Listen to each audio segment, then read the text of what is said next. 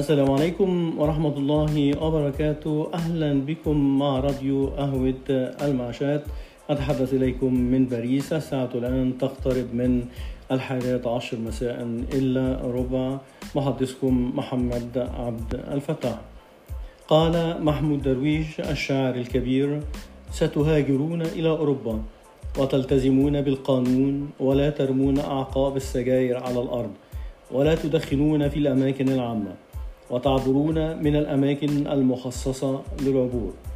وسيكون لديكم حس أمني كبير وستبلغون الشرطة عن أي حدث يحدث أمامكم.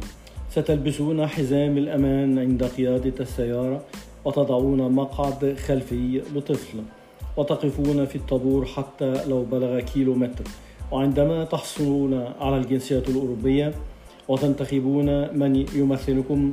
ستبحثون عن تاريخه وماضيه ومهنيته ولو فعلتم كل هذا في بلادكم لما كنتم قررتم الهجرة؟ الموضوع لمس وتر حساس في قلبي لأني للأسف الشديد وبلغة عادية جدا أنا أحد الذين هاجروا إلى أوروبا. لكني كنت ملتزم لحد كبير. قبل أن أهاجر من بلدي مصر. وكنت ألتزم بالتعليمات التي لا يلتزم بها غالبية الناس.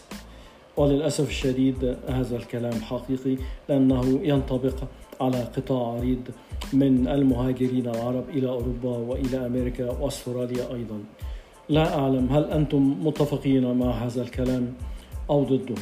لكني أعتقد لأني أنتمي إلى هذا القطاع العريض الذي ترك أوطانه الحقيقية. أتفق معه مئة في المئة.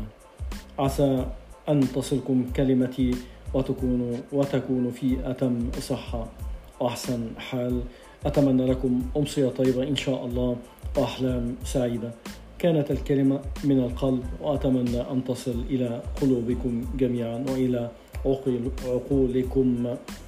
شكرا لكم. وأتمنى أن تلتمسوا لي المعذرة. لبعض الأخطاء في اللغة العربية أو لا أعرف هل أتكلم بطريقة صحيحة أم لا. شكرا لكم وإلى لقاء في حلقة أخرى إن شاء الله. عسى أن تكون غدا أو في أقرب وقت ممكن. كنتم مع راديو أهود المعشات.